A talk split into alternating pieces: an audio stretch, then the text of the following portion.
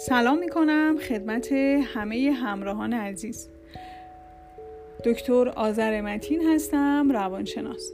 در ادامه دو پادکست قبلی که مربوط به فرزند پروری بود در این پادکست و پادکست های بعدی می‌خوام راه حل های موثر برای هر هدف نادرست رو مطرح کنم. امروز می‌خوام در مورد راه های مربوط به هدف نادرست توجه طلبی بیجا صحبت کنم. یادتون باشه که همه ما به توجه نیاز داریم.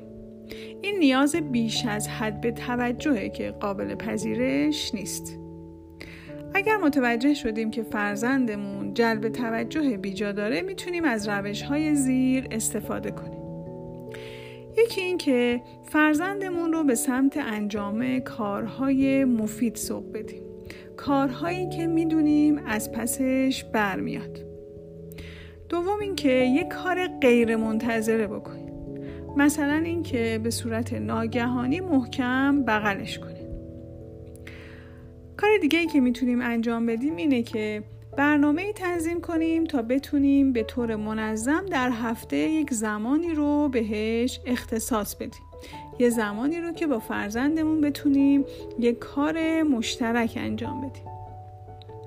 مورد بعدی از پیش با کودکتون قراردادهای غیر کلامی داشته باشید. مثلا وقتی دستم رو روی قلبم می‌ذارم یعنی دوستت دارم. می‌تونین این قرارداد رو با هم داشته باشید مورد دیگه این که از دادن خدمات ویژه و حمایت های بیجا خودداری کنید یعنی اگر می‌دونین که فرزندتون از پس اون کار برمیاد شما انجامش ندین. گاهی فرزندانمون نیاز دارن که ما اعتمادمون رو بهشون نشون بدیم. پس خوبه که گاهی بهشون بگیم که دوستت دارم و مطمئنم که خودت از اختش برمیای وقتی رفتار اشتباهی انجام میده سعی کنین دستان حمایتگرتون رو روی شونش بذارین و به رفتارش بی باشین. در واقع به رفتارش بیمحلی کنین نه به خودش ضمنا به کار خودتونم ادامه بدین. وقتی که حال هر دوتون خوبه زمانی رو به آموزش شیوه های رفتار بهتر اختصاص بدید مثلا آموزش استفاده از کلمات به جای نق زدن یا اینکه به جای اینکه نق بزنی بهتر خواستت رو مستقیم مطرح کنی یا اینکه به من بگی چه احساسی داری که الان داری نق می‌زنی.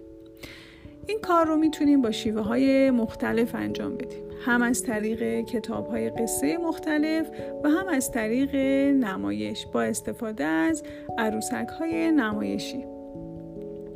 آخرین کاری که باید انجام بدیم اینه که محبت و توجهتون رو به زبون بیارین. همه افراد از جمله کودکان نیاز دارن که از طریق کلامی محبت پدر مادر رو بشنون.